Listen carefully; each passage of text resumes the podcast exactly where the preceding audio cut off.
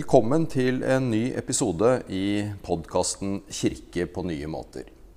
Og akkurat nå sitter jeg på MF vitenskapelig høgskole sammen med Kristine Hovda, som jeg har eh, gleda meg lenge til å snakke med. Vi har gjort avtale om dette her før, eh, Kristine, men det har blitt eh, utsatt og utsatt flere ganger pga. pandemien. Ja, Nå er vi her. nå er vi her. Og for de som ikke kjenner deg, eh, kan du ikke fortelle litt eh, Kanskje først eh, hva, skal jeg kalle deg, egentlig? Ja. Nei, altså, Vi sitter jo som sagt på MF, og det er fordi at jeg har tatt et år med religionsvitenskap her. Etter å ha vært journalist i 15 år. Frilansjournalist i masse altså, avisen i Oslo. da.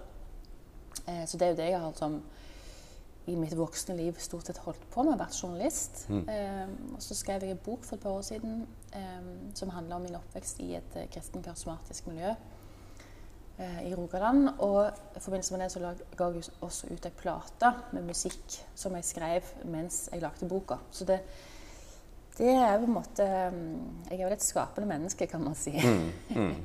Ja. Ja. Kreativ, mangfoldig. Ja. Eh, og det er jo den boka du nevner, som på mange måter er utgangspunktet. Eh, jeg fikk den boka til bursdagen min for eh, to år siden, eh, og har lest den. Og jeg må si at den gjorde eh, sterkt inntrykk på meg. 'Jeg lever ikke lenger selv', har du kalt den. Eh, kan du ikke fortelle litt hvordan, altså, hvorfor du hadde behov for å skrive denne boka? Altså De som har lest uh, sin bibel, de vet jo at dette uh, 'Jeg lever ikke lenger selv', det er det Paulus som sjøl først sa. Og Galaterne 2,20, det var liksom mottoet mitt når jeg vokste opp. Uh, jeg er korsfestet med Kristus. Jeg lever ikke lenger selv, men Kristus lever i meg. Og eh, det var på en måte noe veldig vakkert med det, fordi jeg var en tenåring som hadde opplevd sterke ting med Gud. Jeg elska Jesus og elska Gud. Og vi hadde liksom virkelig lyst til å gi livet mitt til Gud. Mm. jeg husker tolv år så startet vi sånn bibelgrupper hjemme hos meg. Eh, meg og venninnene mine. Vi møttes til slutt liksom flere ganger i uka. fordi vi bare liksom Vi må liksom bare møtes mer og be mer sammen. og liksom det, var, det føltes som at vi gjorde noe veldig viktig og noe veldig fint. da. Så etter hvert så ble det miljøet en del av et større ungdomsmiljø der eh, en del av lederne var veldig opptatt av at det var viktig at vi fortalte om troen vår til andre. Eh, og det ble også framlagt som at det er noe vi har et stort ansvar for sjøl. Et personlig ansvar for. Eh, og hvis ikke du forteller folk om Jesus, hvem skal da gjøre det? Det, liksom, det var liksom litt det det gikk i. Så for meg og for flere av vennene mine så ble det etter hvert veldig slitsomt og, og et stort eksistensielt press, vil jeg si. Eh, altså på somrene så dro vi ut og reiste rundt med buss liksom, til, til flere byer i Europa og sto på gata og gliserte og ba for folk. Og, og det var fantastisk. Jeg vil virkelig si at det var utrolig mye fint som skjedde, men det var også en sånn voksende følelse av desperasjon i meg. Fordi hva med alle de som da ikke tror på dette, og hva med alle de som ikke vil klare å frelse? og stem, Har Gud virkelig meint at, det, at denne oppgaven er min, liksom? Eh, og samtidig så, så jeg jo at det virka. Så det var liksom umulig å komme ut av den skrustikket også. Og jo mer jeg måte investerte i det, jo mer opplevde jeg av Gud. Og dermed ble det også mye verre å skulle se for seg at det ikke kunne være sant, det jeg ble fortalt. Så jeg lever ikke lenger selv. Det er måte historien om noe som var veldig fint, som ble veldig selvutslettende. Og som gjorde at jeg ble veldig syk. Og som gjorde at jeg forlot det kristne miljøet og har forlatt det i siden jeg var ja, Jeg, jeg slutta å gå med da jeg var 25, nå er jeg 37. Så du kan si jeg var Jeg gikk all in, og så gikk jeg all out. Ja, ja. Mm. Vi skal komme litt tilbake til akkurat det at du nå er på MF da, som student eh, litt seinere. Men eh, boka er jo full av uh, utrolig sånn rørende og gripende både fortellinger og utsagn og sånn. Og et sted så skriver du bl.a. At, uh, at troen rett og slett var en Du opplevde det som en slavekontrakt. Uh, og du hadde en tro som gikk ut på at du, at du gikk og venta på at Gud skulle fortelle deg hvordan du skulle leve livet ditt. altså Helt ned sånn til minste detalj. Og så skriver du i forlengelsen av det at akkurat det her gjorde deg sårbar, for du hadde ikke lært å kjenne etter hva du selv egentlig ville. Det er jo noe av den selvutslettelsen som du setter ord på her, er det ikke det? Du kan si Hvis du lever i en virkelighet der det handler om menneskets evige skjebne, og du er blitt betrodd den oppgaven, Mm. å forvalte det, Mm. Så blir det liksom veldig viktig hva du gjør med dagene dine. Mm. Eh, og har, det å skulle som sitte og se på TV da, det er det veldig vanskelig å få seg sjøl til å gjøre. Mm. Ehm, og det betydde også at jeg ble veldig opptatt av at Gud måtte tale til meg, sånn at jeg ble leda dit jeg skulle. Mm.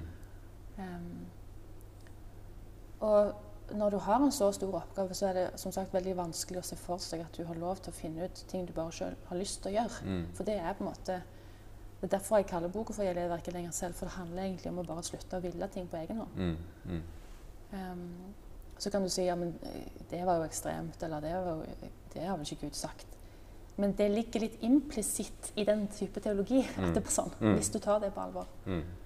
Så ehm, Og det er jo helt klart, det er jo, det er jo ting i det bibelske materialet som på en måte, ikke sant, det med selvutslettelse og 'jeg lever ikke lenger selv', som er bibelsitat osv. Det er klart det, Og så er det liksom å finne balansen her, da. For Kristine ble vel borte. Ja, og du kan si Det her er en sånn ting som jeg har fått høre til det kjedsommelige opp igjennom.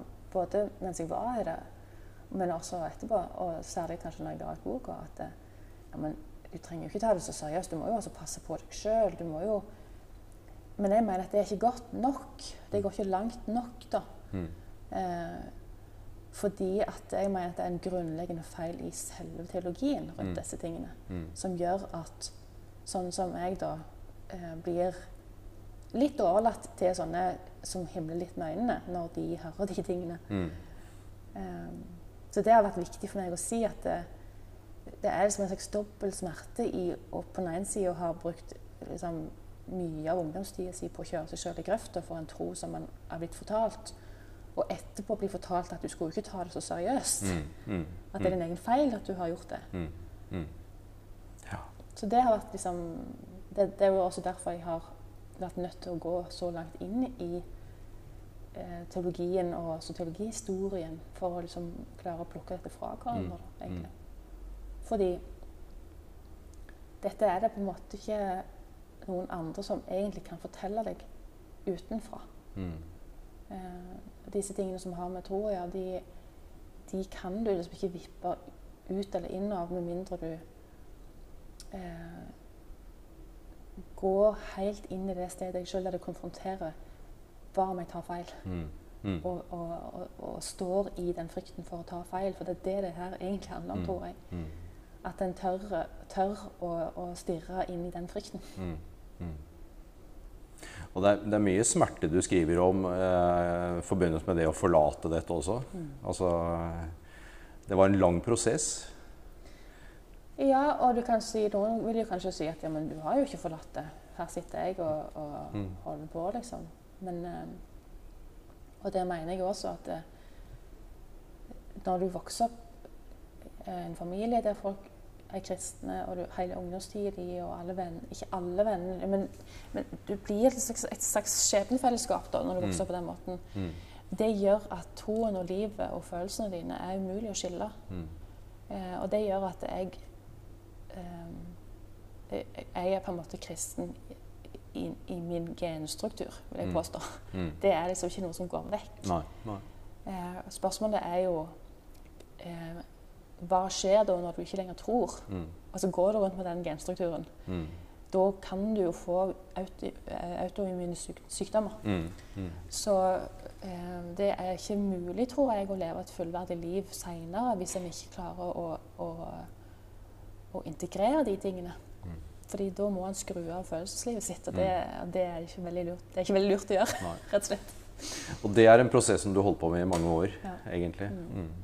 Og du eh, Du har sagt et sted at du, du fant troen da du mistet den. Mm. Hva betyr det? Det er, det er spennende utsagn. Ja, og du kan si jeg er veldig glad for at jeg slipper å føle et ansvar for andre mennesker lenger. Mm. Eh, jeg tror ikke lenger at jeg skal frelse verden. Eh, og, jeg tror heller ikke at jeg kan det. Og jeg, tror ikke at eh, min fortelling må liksom Altså at de tingene jeg sier, liksom er nødt til å passe inn i det folk eh, trenger å høre. Jeg tenker ikke sånn lenger. Mm. Ikke så mye, i hvert fall. Men når det er sagt, så er jeg forsiktig med å si så mye om hva jeg tror i dag. Fordi jeg vet hvor vanvittig godt det er å få lov til å være i fred med sin trosprosess. Mm. Og jeg vet hvor utrolig eh, viktig det er å få lov til å si nå bare, nå bare eh, pensjonerer jeg meg fra troen. Mm. Altså at, at, man får lov til det. Mm. Fordi veldig mange som er i kristne miljø kanskje fortsatt, og som hører min historie, de kan få en sånn å, men du er jo kristen ennå, liksom. Og, og, så, og, så, har de lyst til å liksom få meg inn der. Mm. Og det, jeg skjønner det. Og det, jeg syns det er veldig fint på en måte. Men jeg, og, og på en, til en stor grad så kan jeg være enig i mye av det. Men jeg, jeg har lyst til å stå litt i det spennet også for folk som ikke orker tanken på å tro igjen. Mm. Fordi det er et veldig viktig sted å kunne være i livet. Mm. Eh, og, og det å finne troen i det du mister den, det forutsetter faktisk at du mister den på ordentlig. Mm. Mm. Så det er liksom ikke en quick fix. Jeg kan, jeg kan ikke Du skynde vil, seg du å- vil si det, at det var det? at det var At du mista troen liksom helt? Den Ja. var helt borte? Mm. Jeg husker at det var tre dager eh, Jeg husker at jeg leste Levi Fragell sin 'Vi som elsket Jesus' Mm. eh, i januar 2019. altså Det var rett før boken min skulle ut. Mm. Da husker jeg at jeg var ateist i tre dager. Ja, Sånn på ordentlig. akkurat. I tre dager, ja. ja. Så jeg har vært innom det. Og ja, jeg varte ikke så veldig lenge. da. Nei, det, tre dager er ikke så lenge. Det er det ikke. Det er som Nei. Jesus. Du Ja. dør snart opp igjen. ikke sant. Og, og så var du med på um, Bare ta et sitat derfra også, for du var med på Olavs fest i Trondheim. Eh, og på en veldig spennende samtale med noen andre som også var der. Og da sa du bl.a. at eh, vi står overfor en slags idémessig revolusjon når det kommer til hva tro er. Det må du utbrodere litt. Jeg må forsvare. Hvorfor sa du det? Ja, ikke sant? Altså, det er jo Det er veldig spennende å tenke på hvor tankene våre kommer fra. Mm. Og de tingene som du sier at jeg har sagt, eh, kjenner meg igjen i det. Eh, men noen ganger så kan jeg føle at jeg sier ting som jeg ikke vet hvorfor jeg sier. Mm. Det er det samme som når jeg skriver musikk. Plutselig så kommer det et eller annet som jeg ikke skjønner hvorfor jeg tenkte eller, eller Mm. formulerte på den måten. Og det er jo det mystiske som skjer i musikk og i kunst, og også i, i å skrive litter- litteratur. At det, det er akkurat noen gang Og jeg vil sammenligne det med bønn, faktisk. Mm. At det, det er noe som tar over. Mm. Um, og det Forskjellen fra tidligere er at jeg tror ikke at det er et kristent fenomen. Mm. Jeg tror, ikke, jeg tror ikke bønn er noe som kristne bare holder på med. Jeg tror alle mennesker holder på med det. Mm. Og jeg tror at vi alle går ut og inn av tilstander der noe taler gjennom oss. Mm. Eh, der Gud taler gjennom oss. Og jeg tror ikke man må være liksom eh, Jeg tror ikke man må ha hatt en frelsesopplevelse liksom, for, å, for å få tak i det. Mm. Eh, jeg tror først og fremst at det handler om å, å være til stede i øyeblikket og, og, og overgi seg til inspirasjonen. Mm. Så derfor så er det ofte eh, og, det, og, det, og det henger sammen med akkurat det. Hva jeg tenker og tro er. da. Mm. Eh, og jeg tror eh, Fordi at det, i møtene mine med andre folk eh, I forbindelse med boka også, så, så får jeg så mange bekreftelser på at folk holder på å tenke på disse Altså vi holder på sammen å Mm. tenke på disse tingene. Mm. Mm. Og nå er jo det pinsekarismatiske miljøet i Norge en minoritet når det kommer til kristendom. Men på verdensbasis er jo det eh, kanskje i ferd med å bli det største, miljøet i, i verden. Også fordi karismatikken sprer seg jo til alle de andre kirkesamfunnene Mm. i tillegg. sånn at det, den opplevelsen av å være i ånden og av å bli, bli inspirert, og, og det å vandre i tro, f.eks., Mm. det å gi, på en måte overgi seg til Gud, det er, en, det er en veldig lite intellektuell øvelse. Det er egentlig eh, en, en øvelse som handler mye om å gi slipp på det intellektuelle. Mm. Og det ligner jo det pinsekarismatiske faktisk ganske mye på eh, østlig religion. Mm. Altså eh, vektleggingen på eh, ja, altså, I buddhismen f.eks. På, på å tømme hodet.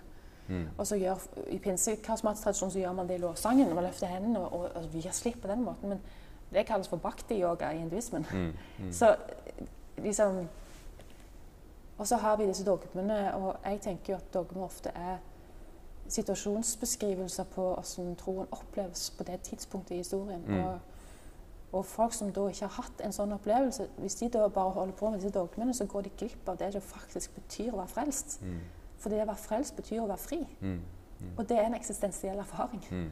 Mm. Så det betyr at det er ikke alle som kaller seg for religiøse, som jeg opplever som frelst. Og det betyr ikke at jeg tror at de kommer til helvete, Ja. men jeg tror det betyr at de går glipp av en måte å leve på i verden Mm. som handler om nettopp å ikke lenger leve selv. Mm. Mm. Um, så det er liksom litt de tankene jeg har jobba med de siste årene. Og, og, og det er rett og slett fordi at jeg har opplevd det. Mm. Mm. At idet jeg slutta å tro på Gud, så ga jeg slipp på å forstå ting. Og da begynte noe i meg å jobbe. Uh, jeg begynte å få tak i um, mange følelser jeg ikke hadde visst at jeg hadde. Og jeg også begynte å skrive musikk der jeg på en måte klar over eh, det i meg som jeg kaller Gud, da. Som jeg opplevde da jeg var tenåring. At det, det lå brakk en stund fordi at jeg var så redd for det. Mm. Eh, men det har aldri forlatt meg. Ja. Mm. Det er en lang vei fra det du kommer fra, og til det du beskriver nå. Ja, det er det. Noen vil kanskje si hva, hva tenker du om Jesus nå? Å ja, det kan du si, altså. Jeg er veldig glad i Jesus. Jeg er veldig glad i Jesus. Eh, og jeg har jo følt at det var nesten sånn At det må du svare, liksom. Mm. Fordi det føler jeg er liksom den avgjørende tingen. liksom. Hva, Mm. hva, slags, hva slags forsoningslære sitter du med i dag? Mm. liksom. Mm. Og jeg vil si at jeg øver meg på å slippe behovet for å ha et riktig svar på det. Mm. Mm. Mm. Fordi frelse for meg handler om å slippe å måtte ha det rette svaret på det. Mm. Mm. Mm. Og, og hvis jeg skulle være så heldig å få det rette svaret på det, så kan det være at jeg eh, blir så opptatt av det at jeg mister den følelsen av, av frihet som jeg tror at Jesus egentlig snakket om. Mm. Mm. Det er virkelig Jeg skrev litt om det i boka også, at hva vil det si å være en kristen? Mm. Hva vil det si å, å forstå det Jesus sier, og liksom huske alle dogmene? Eller vil det si å gjøre det Jesus snakker om? Vil det si å gjøre de tingene i ren plikt? Eller vil det si å oppleve en total følelse av frihet som gjør at en finner de ressursene inni en som er Guds kraft, Mm. sånn at en gjør det uten å tenke seg om? Mm. Og det er det siste jeg tror, faktisk. Eh, men det tror ikke jeg er et, igjen, jeg tror ikke at det er et, et fenomen som kristne har patent på. Mm. Mm. Og jeg vet ikke om Jesus ville vært enig med meg, men, men da er jeg så god venn med Jesus at jeg kan si Mister, jeg kan umulig vite helt hvem du er, for at jeg har aldri møtt deg. Og de eh, skriftene som forteller om deg, de har ingen garanti for eh, at forteller sannheten om den du var. Så jeg kan bare ta utgangspunkt i hvordan din lære lever i meg. Mm. Hvordan den gir mening for meg. Mm. Og det at Jesus døde på korset eh, det, har, det har kristne krangla om i 2000 år hva det betydde. Og Mm. det har ikke jeg tenkt å løse. Nei. Nei. Mm. Du åpner jo opp noen nye rom, da, eh, virkelig, som gjør at mange på en måte kan eh, ja, finne, finne en plass da, utafor eh, altså, Det du beskriver i boka, som du vokste opp i, var, må jo sies å være ganske trangt og, og snevert, og nå er du liksom et helt annet sted. Eh, ja, liksom dine venner og jevnaldrende og folk du møter og sånn Du var så vidt inne på det i stad. Du, du opplever at det er sånn gjenkjennelse, selv om man kanskje bruker litt ulike ord på Mm. disse opplevelsene? Ja, altså, jeg vil jo Jeg tror jo at Når vi snakker om Frikirke-Norge eh, Og det er litt viktig å si for folk som eh, kommer kanskje fra mer sånn norske kirkemiljø, det, For jeg har vært en del i norske kirker og, og hatt noen samtaler om boka og sånn. Og det er interessant, for jeg opplever at det er veldig mange som bare, de bare forstår det ikke. De forstår ikke hvordan det er å være en, en, eh, en minoritetskristen. Mm. Mm. Og det å være en frikirkelig kristen, det er virkelig en helt annen ballgame enn å bli liksom døpt og konfirmert i Den norske kirke. Um, fordi at I hvert fall den tradisjonen som jeg vokste opp i, så handler det om å bare være et annet folk. Sant? Du er mm. nesten ikke nordmann engang. Du er mm. først og fremst Guds liksom, mm. barn. Og det er noe utrolig vakkert og frigjørende med det, og også noe sånn motkulturelt som jeg setter veldig pris på i dag at jeg har vokst opp med, fordi jeg mm. tror det er en ressurs i det. Mm. Eh, men jeg tror i dag at eh, det er like mange Guds barn utenfor frikirkene som det er i, dem. de. Mm, mm. For jeg tror at det er veldig mange som har forlatt det. Um, Pga. lignende erfaringer som de jeg har. Mm. Og det kan jeg si fordi at jeg har snakket med ufattelig mange av de. Mm. Og, og, det som er fint og vakkert med det, det er at mange um, har sterkt eierskap til tro fortsatt. Mm. Um, så når, når eh, Frikirke snakker om liksom, at medlemstallene synker, og hva skal vi gjøre for å fornye oss og mm. sånn, mm. så tenker jeg at det, det, det er på en måte Loddet er kasta for lenge siden.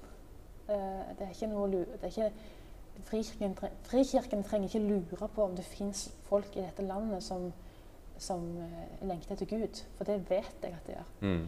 Jeg er ikke så sikker på om frikirkene kommer til å takle de folkene som har forlatt det, og som kanskje vil inn igjen i fellesskap. For de, de har gått så mange runder. Mm. Og de har eh, opplevd at de måtte ut for å finne Gud. Mm. Så jeg syns det er utrolig vakkert at jeg blir spurt av deg da, om å bli med på denne samtalen. Um, og og, jeg, og jeg, vil, jeg, jeg, tenker liksom at det har det er forsonende for meg. Mm. Eh, men jeg tror også at, at, Frikirken og de folk som fortsatt er i disse menighetene, kunne hatt så enormt glede, mye glede av da, mm. å åpne opp for folk som har forlatt det. Mm. For jeg, jeg, tror ikke at tro er noe som en bare kan som slutte med. Mm. Jeg tror det er en ting som jobber, jobber med en hele livet. Mm. Ja, det er interessant det du sier. Jeg har um jeg, jeg, vokste opp i et ganske sånn stort ungdomsmiljø, jeg også, i Metodistkirken. Og sånn i ettertid, etter at jeg ble prest og voksen, og liksom nå etter hvert i den stillingen jeg er i nå, og sånn, så har jeg ofte liksom blitt spurt om eh, Kan ikke du fortelle om liksom hvorfor du ble i kirken, og liksom hvordan har det vært å vokse opp i kirken og sånn. Eh, og da har jeg sagt det kan jeg, det kan jeg gjerne gjøre, men jeg tror kanskje at det hadde vært mye mer interessant for dere, og i hvert fall mer lærerikt, og hørt på de 80-90% av de 40-50 ungdommene som var en del av det samme ungdomsmiljøet, som nå ikke har noen tilknytning til kirken i det hele tatt. Men som jeg tror veldig mange faktisk eh, har Altså de har en relasjon. Det er noe som ligger der. Og de er kanskje der på julaften, og når de skal døpe barna sine, så er det dit de går og sånn. Men, eh, men eh, hva var det som gjorde at det ble sånn? Eh, og når jeg ser tilbake, så var det ikke noe som var måte, Jeg var ikke noe annerledes enn noen av de andre, egentlig. Så det kunne like gjerne vært meg og, og, eh, som hadde vært en av dem, og, og omvendt, selvfølgelig. Mm. Mm. Så der har vi virkelig en stor utfordring som vi er nødt til å um, lytte til, rett og slett. Også. Mm. Ja, eller du kan si, hvis jeg skal få lov til å være den kjetteren i, liksom, i podkasten Altså Ånden, den vinden blåser dit den vil. Mm. Eh, og det er ikke noen garanti for at Gud, det neste Gud gjør, gjør, kommer til å skje i de etablerte menighetene. Eh, så igjen, da Jeg syns det er så utrolig deilig å slippe å være Gud i dette. Mm. Hvor er det på en måte Hvor er det Ånden virker? Det må jo være de stedene der, der liksom eh, ja, der, der, folk har behov som, som, blir møtt på en eller annen måte. Mm. Uh, og der kjærligheten sprenger de etablerte grensene for Mm. hvem vi tenker er rett og galt, og uh, hvem vi tenker at vi skal liksom blande oss opp i. Og, Altså, det er liksom ehm, Gud er virkelig større enn våre organiserte liksom, menighetsaktiviteter. Mm. Og, og derfor så tenker jeg jo at um, Sånn som for, liksom, for å trekke eh, religionsvitenskapen litt igjen, da. At Mm. nå har det vært liksom, Siden Luther sant, så har det vært splittelse på splittelse på splittelse fordi vi har, klart, vi har prøvd så hardt å finne nøyaktig hva som er Guds liksom, svar på dette. Mm. Hva er, hva er det egentlig liksom, hva, hva er kristendommen egentlig? Og, og nå er, har vi runda den, tror jeg, linja der. Jeg tror ikke folk orker mer av det. Mm. Jeg tror folk er skikk Og jeg tror det er svaret på hvorfor så mange forlater menigheter. For at Mm. de orker ikke være med i en klubb der det handler om å ha det rett. Mm. Get it right, liksom. Mm. Jeg tror at folk eh, lengter etter å oppleve trøst når de har det vanskelig. Mm. Og jeg tror folk lengter etter å høre forkynnelse som tar deres opplevelse i livet nå på alvor. Mm. Uten at folk har en fasit på hva de skal føle, eller hva de skal tenke om det. Mm. Mm. For jeg tror virkelig at Gud, opp, Gud dukker opp i din helt personlige, individuelle erfaring akkurat nå i livet. Ehm, og, og nå som på en måte alle kirkesamfunnene driver og bygger ned disse skillelinjene igjen fordi at vi har så mye økumenisk arbeid og vi har liksom Så er det utrolig vakkert. Men, men for meg da, som har kommet inn på MF etter å ha vært utenfor det kristne i mange, mange år, så klør jeg meg litt i hodet på det òg. For det, det er akkurat som liksom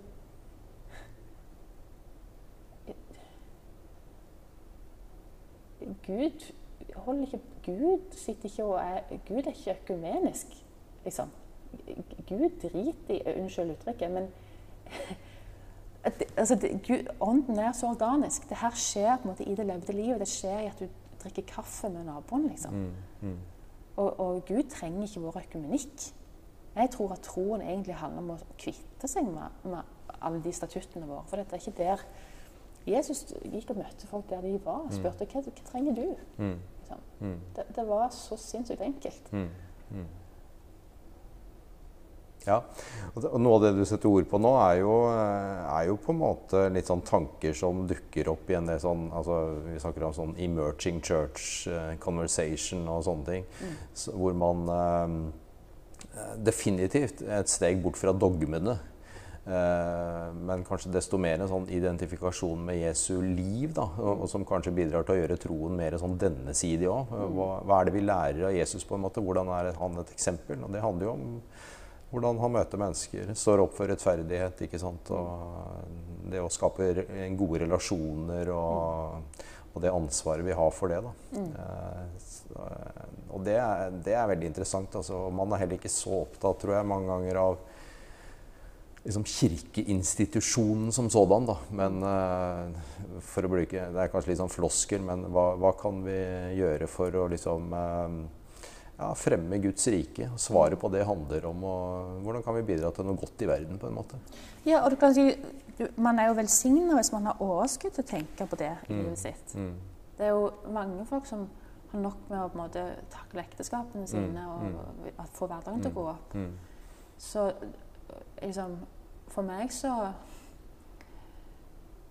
Så har det i større og større grad eh, handla om å slutte å tenke at livet mitt er Eller eksistensen er et problem som skal løses. Mm. At eh, jeg har fått livet som gave, og at eh, det å bare bli bevisst på hvor mye jeg har å være takknemlig for Det åpner opp for at Gud kan virke i livet mitt. Mm. Og da slipper jeg å føle at jeg må liksom få oversikten over ja, hva, det kan òg bli en sånn greie. Sant? At, det, at det mange eh, veldig sånn velmenende, flotte, nydelige kristne mennesker med, som har vokst opp med, med på en måte sunne verdier, eh, skal liksom åh ja, nå må vi liksom forandre måten vi tenker om Gud på, fordi nå må vi ut liksom, rette opp armene og begynne å gjøre det annerledes. Mm. Og så tenker jeg liksom Men Jesus snakket om å, å være i, liksom, i, i, hvile Mm. komme inn til liksom, å, å gjøre det som Faderen Mm. gjør. Mm. Og, og ikke gjøre noe annet enn det som Faderen vil. Og i det så ligger det også implisitt at en skal få kraft til å gjøre de tingene som Faderen Mm. vil gjennom en. Um, så nå blir jeg jo veldig som pinsevenn når jeg sier dette, men jeg, jeg, jeg mener faktisk det. At uh, jeg må drikke fra brønnen før en kan begynne å se etter oppgavene sine. Mm. Mm. Fordi Hvis ikke så, så gjør en mye fint, men en gjør ikke nødvendigvis Guds vilje. Nei. Nei. Hvis det er lov å si. Det er jo, ja, og det tenker jeg det er jo en sånn kontinuerlig fare for eh, ethvert et- ethvert menneske, enhver kirke, enhver religion. Så er det jo det. ikke sant? Hvor er hovedfokuset? Mm. Og hva burde det være? Mm. Ja, jeg mener, sånn, jeg vokste jo opp med at at jeg, at jeg hadde en oppgave. Mm. Og oppgaven var å liksom fortelle andre om Jesus. Og det ble jo dessverre, dessverre sånn etter hvert at jeg tenkte ok, jeg kan gjerne liksom fortelle dem om Gud, men jeg håper ikke at de blir så kristne som meg. For det, unner jeg dem ikke. Mm. For det, det er et slitsomt liv. Mm. liksom. Mm. Og fra det til å i dag tenke at at Gud har gitt meg dette livet for at jeg skal få lov til å være i det Mm. totalt, liksom. Og, og, og virkelig nyte det så mye som en bare kan. Mm. Og, og da kan noen kanskje tenke ja, skal du bare sitte og liksom, drikke brus og kjøre fine biler, liksom. Men, men så er det det, da, at det, jeg tror virkelig på at det alle mennesker dypest sett lengter etter, er kjærlighet. Mm. Mm. Så jeg tror ikke at hvis du på en måte lar alle mennesker få lov til å nyte livet sitt, at de kommer til å ende opp som egoister. Ja. Jeg tror at vi har så enormt mye å gå på hvis vi hadde fått lov til å dykke ned i liksom, følelsen av å være elska. Mm. Hvis, hvis folk hadde virkelig forstått og opplevd Guds kjærlighet, og ikke gjort noe enn det, Mm. så mye at, det, at Guds kjærlighet bare liksom tøyt ut av dem til slutt, Mm. da kan du begynne å snakke med folk om hva oppgaven deres er. Mm. Mm. Men ikke før. Nei. Nei. Mm. Ja, nei, det er, det er spennende. Eh, og litt i forlengelsen av det så eh, har du også sagt noe et sted om at, eh, at tro er et verktøy for å vokse og utvikle seg. Ja. Det er noe sammenheng der. da, Først må du på en måte finne hvilen, eh, hvem du er osv. Og så Og så går det av seg sjøl, mm, vil jeg påstå. mm, Det er veldig lite en trenger å forstå Mm. når det kommer til Guds kjærlighet. mm, Det er akkurat som hvis man er forelska, så Det går av seg sjøl. mm, Og, og jeg tror at det går an å være forelska i Gud hele livet, Mm. faktisk.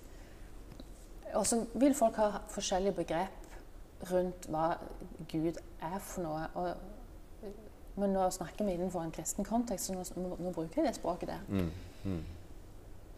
Um, Men du kunne ha brukt et annet språk òg. ja, jeg kunne det. Jeg Mm. kunne ha sagt at det handler om å leve i flow. Eller Mm. det handler om å leve i, i um, the Buddha nature. Mm, Um, det handler om å, um, å, å følge Tao. Og det handler om å alltid si ja til hvordan du har det akkurat nå. Det er det som er nåden. mm, Det er ikke Det er ingenting feil med hvordan du har det akkurat nå, eller hvordan du er. Og jo fortere du aksepterer det, jo fortere vil du eh, komme videre fra der du er. mm, For alt er alltid i forandring. Mm. Også du. mm, Vi er jo Vi er jo eh, den, det, jeg, det jeg tenker at jeg er, det er et kontinuum mm, av levd erfaring fra jeg var liten helt fram til nå, og også forestillinger om hva som skal skje med meg. mm, Og gjennom dagen så går psyken min ifra liksom, eh, veldig sterk bevissthetstilstand til en slags assosiativ tilstand via at jeg sover og drømmer. Og, så hva som er meg, mm, og hvor ikke minst forbundet min identitet er med så mange folk jeg har rundt meg. mm, Det gjør at det er veldig vanskelig å snakke om Mm. meg på den måten der. Mm. Og, og derfor tenker jeg jo at igjen da, at det beste en kan gjøre for å finne Gud, det er å prøve å gi litt slipp på, på meg. Mm. Eh, og dette sier alle religionene. Mm. Mm. Eh, og det sier også moderne hjerneforskning. Mm. At det, i det du klarer å gi slipp på tankene dine, så kommer det dypere laget av bevisstheten fram. Og det vet mye bedre enn deg, enn deg sjøl. Altså enn en selve, egoet. Mm. Eh, fordi at det, det får med seg mye mer. Så igjen, da, dette her trenger en ikke være religiøs engang for å benytte seg av. Det er rett og slett en måte å være i verden på som, som på en måte hele eh, Jeg tror hele verden er altså Igjen da, en, en revolusjon når det kommer til hva tro er. For at disse tingene koker i så mange miljøer for tida. Um, du har masse podkaster som eh, der folk snakker om bevissthet, ikke sant. Og om, folk driver med meditasjon og Mm. Fordi at vi, vi skjønner etter hvert at det, den måten å leve på som handler om å ha kontroll, den gjør oss at vi blir ganske lukka. Og det gjør at vi bare handler ut ifra hvordan verden er akkurat nå. Og det fører til eh, overforbruk. Og det fører til en hardhet som gjør at vi ikke Og det fører også til eh, en mangel på kreativitet som gjør at vi ikke klarer å se nye løsninger. Mm. Fordi tro Det er derfor jeg har så tro på tro. Fordi at det, Mm. folk som lever i tro, de har kontakt med Gud, og det gjør at de kan tale profetisk. Um, og de kan også forandre virkeligheten gjennom bønn. Mm. Jeg tror ordentlig på det. Mm. Det handler om å se for seg ting som ikke fins ennå, Mm. og leve som om det fins. Mm. Og på den måten så er troen en enorm eh, ressurs. Og det, jeg tror den trengs. Så liksom Hvis en virkelig hadde forstått Jesus sier jo sant, at, det- at vi skal gjøre de samme tingene som han. Mm. Hvis vi hadde forstått hva han mener med det, så, så tror jeg vi hadde begynt å leve ganske Eller vi hadde hatt nye samtaler. Mm. Fordi at eh, Igjen, da, det handler ikke om å få folk til himmelen. Guds rike er her. Mm. Mm. Guds rike er å leve i den, i den tilstanden. Mm. Mm. Veldig spennende, Kristine. Um, sånn helt avslutningsvis eh, Som sagt så er du student nå. Mm. Studerte religionsvitenskap. Eh, Jeg ser jo at mest, De fleste fagene er jo teologi. Jeg vipper jo inn i det. ja, akkurat. akkurat. Men hva tenker du da? Hvordan, eh, hvis du ser for deg livet ditt om fem år f.eks., hvor er du da? Inshallah. Det, det er en spennende øvelse, fordi at um, um, Fordi at jeg har begynt å leve sånn som dette um, Så prøver jeg å være veldig til stede i, i livet mitt akkurat nå. Mm. Fordi det er svaret på hvor jeg skal være om fem år. Mm. Mm. Og så har jeg jo kanskje noen ideer om hm, kanskje det, eller hm, kanskje det. Eh, men jeg har virkelig gitt mitt liv til Gud. altså. Jeg lever ikke lenger selv. Det, det, nå er det sant. Mm. Men for, den store forskjellen er at jeg tror at Gud går via det jeg vil. Jeg tror ikke Gud ber meg om å kvitte meg med det jeg vil. Nå lever du selv, rett og slett. Mm. Takk for uh, en veldig spennende prat. Jeg håper du fortsetter å skrive. Og så eh, kan jeg jo da bare til slutt gjenta 'Jeg lever ikke lenger selv' er tittelen på boka. Og det er også mulig å søke opp Kristine på Spotify f.eks. For, eksempel, for å høre på musikk. Takk skal du ha. Takk selv.